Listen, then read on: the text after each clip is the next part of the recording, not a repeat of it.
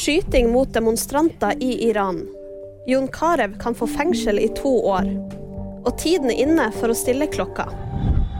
Iranske sikkerhetsstyrker skyter mot demonstranter i Iran. Dette skjer i Sakes, hjembyen til avdøde Masa Amini. Dette melder nyhetsbyrået AFP.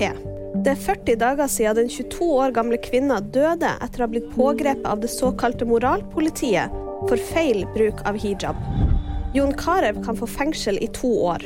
Den tidligere fotballstjerna er tiltalt for grovt uaktsomt skattesvik i årene mellom 2014 til 2019.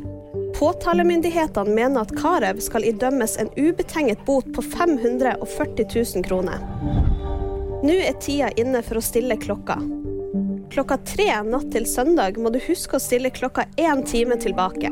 Vi går nå over fra sommertid til normaltid. Det er fortsatt uklart hvor lenge vi skal fortsette med normaltid og sommertid. Norge venter nå på at EU-landene skal ta stilling til et forslag som innebærer at man skal slutte å stille klokka.